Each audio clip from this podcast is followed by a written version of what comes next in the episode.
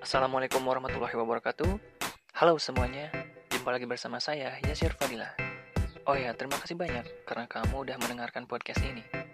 Senang bisa ketemu kamu di sini dan saya ingin berbagi tentang tips pengembangan diri, karir, skills, atau cara yang bisa membuat kamu menjadi lebih baik. Karena saya tahu kamu punya potensi. Mari kita mulai.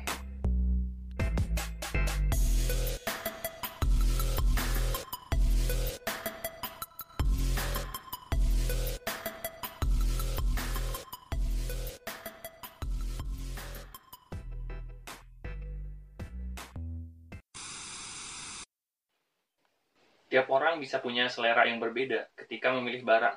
Ada yang memilih barang karena gengsi, dan ada juga yang memilih barang karena fungsi. Kalau saya termasuk memilih barang karena fungsi ya. Karena buat saya yang terpenting adalah fungsinya dulu. Saya nggak menyalahkan orang yang suka memakai barang karena gengsi. Karena barang-barang yang mahal dan bergengsi pun e, banyak yang bagus ya. Jadi kita masih bisa awet ketika memakainya. Tapi gimana kalau kita membeli barang yang mahal dan bergengsi, tapi kualitasnya biasa aja. Ada beberapa barang yang dijual mahal, padahal barang ini sebenarnya biasa atau sepele. Nah, kalau misalkan barang-barang seperti laptop atau smartphone, mungkin masih wajar ya dihargai mahal. Tapi kalau barang-barang yang biasa atau barang-barang yang sepele, mungkin kita bakal mikir-mikir dulu buat membelinya. Karena kita masih bisa membeli barang-barang yang sama dengan harga yang lebih murah. Saya mau share beberapa barang yang dijual dengan harga nggak masuk akal. Yang pertama ada payung.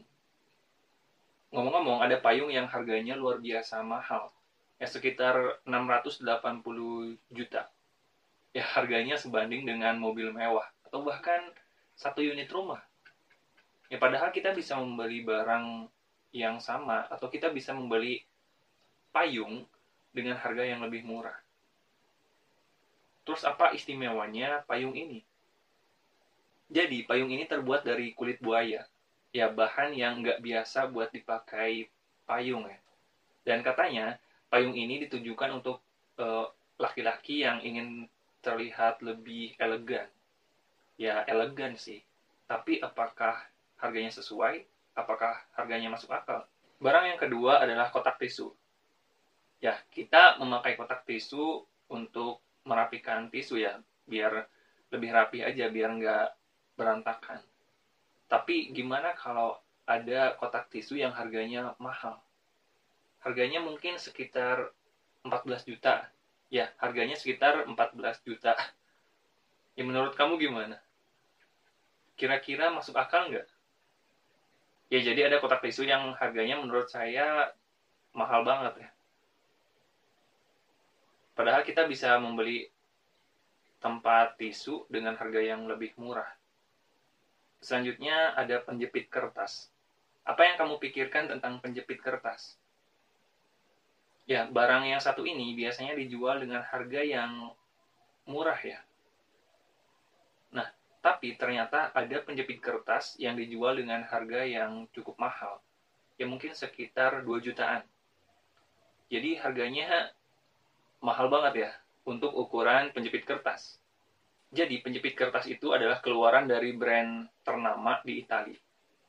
Yang katanya bahannya itu terbuat dari perak. Ya, materialnya uh, ada yang dari perak. Tapi apa istimewanya penjepit kertas yang berbahan perak? Dari barang-barang tadi kita bisa belajar kalau harga dari suatu produk itu relatif.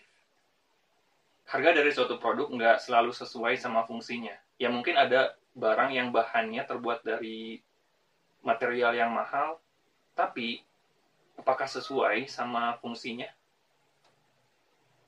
Kita bisa melihat apakah barang itu sesuai sama fungsinya atau enggak saya nggak bermaksud buat menyudutkan pihak tertentu ya. Ya karena ini balik lagi ke urusan selera sama kemampuan buat membeli barang-barang itu.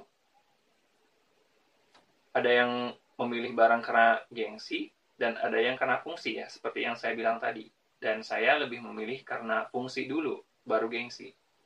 Nah, ini juga bisa jadi pelajaran buat kamu yang mau nentuin harga dari suatu produk. Misalnya kamu mau jualan produk tertentu nih. Nah, kamu bisa nentuin harga produk yang sesuai antara fungsi dan juga kualitasnya.